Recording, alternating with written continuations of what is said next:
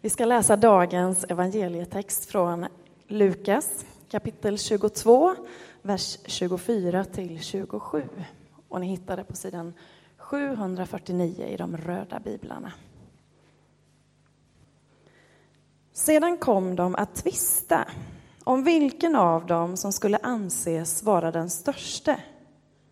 Då sa han till dem, kungarna uppträder som herrar över sina folk och de som har makten låter kalla sig folkets välgörare. Men med er är det annorlunda. Den störste bland er ska vara som den yngste och den som är ledare ska vara som tjänaren. Vem är störst? Den som ligger till bords eller den som betjänar honom? Är det inte den som ligger till bords? Men jag är mitt ibland er som er tjänare. Så lyder det heliga evangeliet. Lovad vare du, Kristus.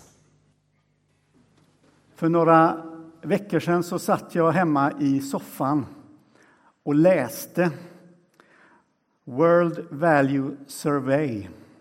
Och det var så intressant så att det blir som det blir ibland, att man tappar tid och rum.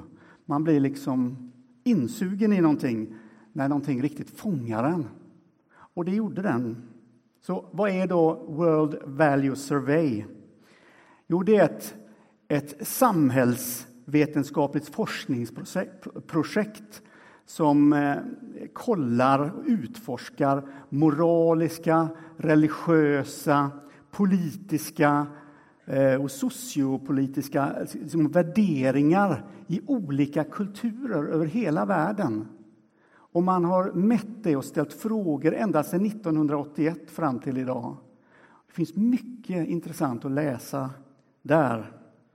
Och Det som speciellt fångade mig det var resultaten om Sverige och svenskarna typ 2016. Vad det gav hintar om hur vi tänker och hur våra värderingar är. Och I studien har man bland annat tittat på frågan vad vi tycker är särskilt viktigt när vi uppfostrar våra barn. Alltså, vad är, vad är det som är viktigt att ungen får med sig ut i livet? För hur vi uppfostrar våra barn det ger en tydlig hint om vilka värderingar som finns och vad som är liksom framväxande, så att säga, vilka som kommer växa mer. Och då visar det sig då att till exempel ansvarskänsla, det var någonting som stod högt så här eh, i den här undersökningen hos svenskar. Det var viktigt liksom att få med sig en känsla av att att ta ansvar och, och, och, och följa upp och göra så. Men också det här att, att vi vill lära våra barn att vara toleranta och respektera andra människor. Och då också förstås andra människors åsikter. Och det känner vi igen det här. Det är ju vårt samhällsklimat som är mycket på det viset. Och det som låg väldigt högt på den här listan det var att vi vill lära våra barn att bli eh, oberoende och självständiga.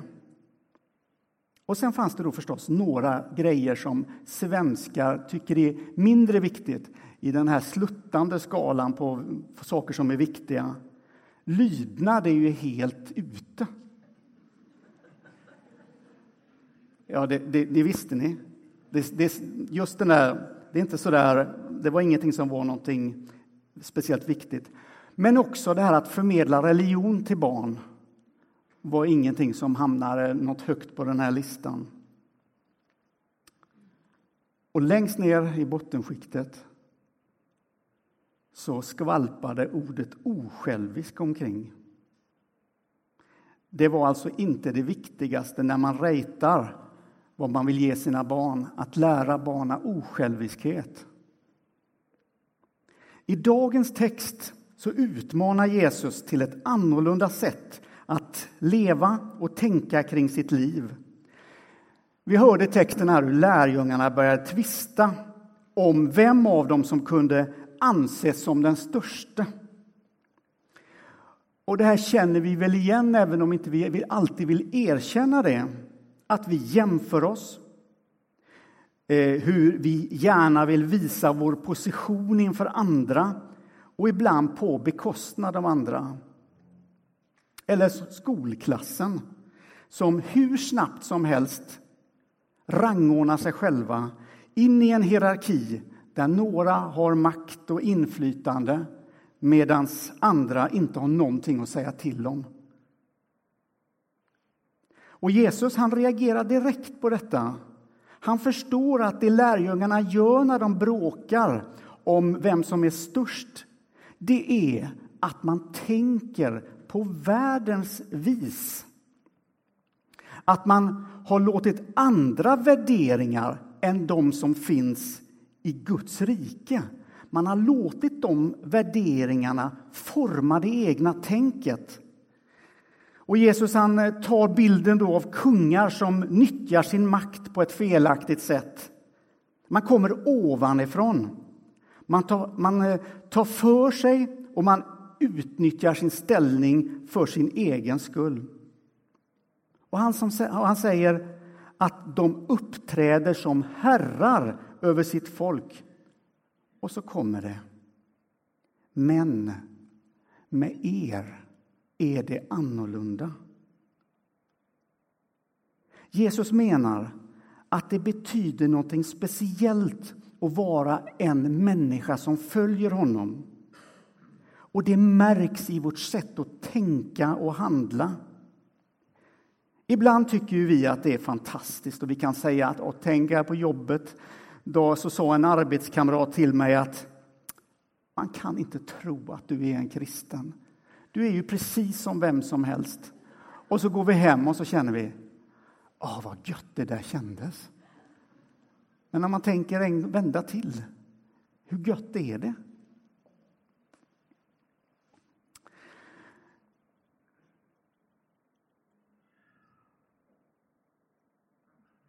Om man i en studentkorridor eller i ett kompiskollektiv eller på en arbetsplats inte på något sätt sticker ut, är det då inte någonting som är fel?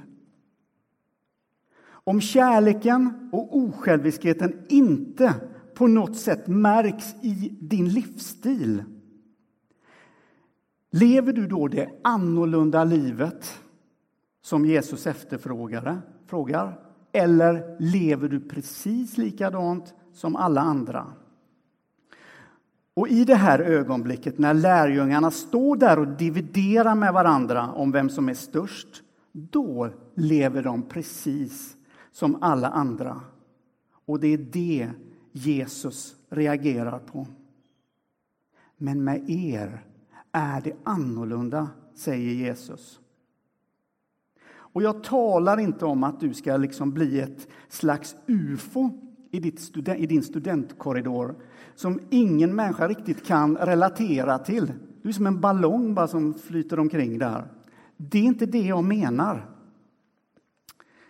Min poäng är att om det aldrig uppstår friktion mellan dig och din omgivning så bör du fråga dig om du lever det radikala liv som du är kallad till.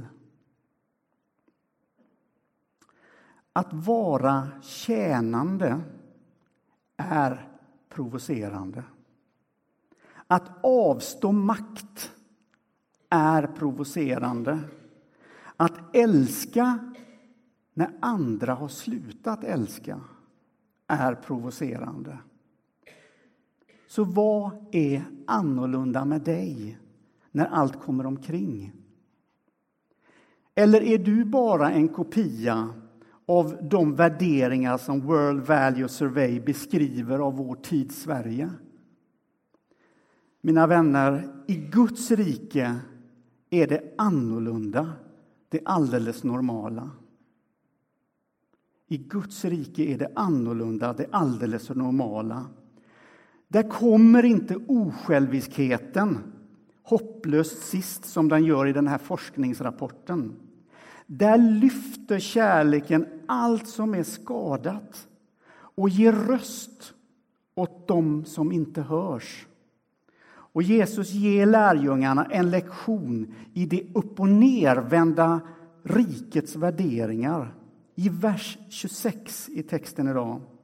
Den störste av er ska vara som den yngste och den som är ledare ska vara som tjänaren. Med er är det annorlunda. Därför att Jesus är annorlunda. Och han lyfter fram sig själv som det stora föredömet för lärjungarna att följa. Ungefär som han skulle säga, om ni inte vet hur ni ska leva, se på mig. Det är en väldigt enkel mening egentligen. Men, men hur då? Hur gör vi som Jesus? I vers 27 läser vi hur Jesus beskriver sig själv som den som är exemplet.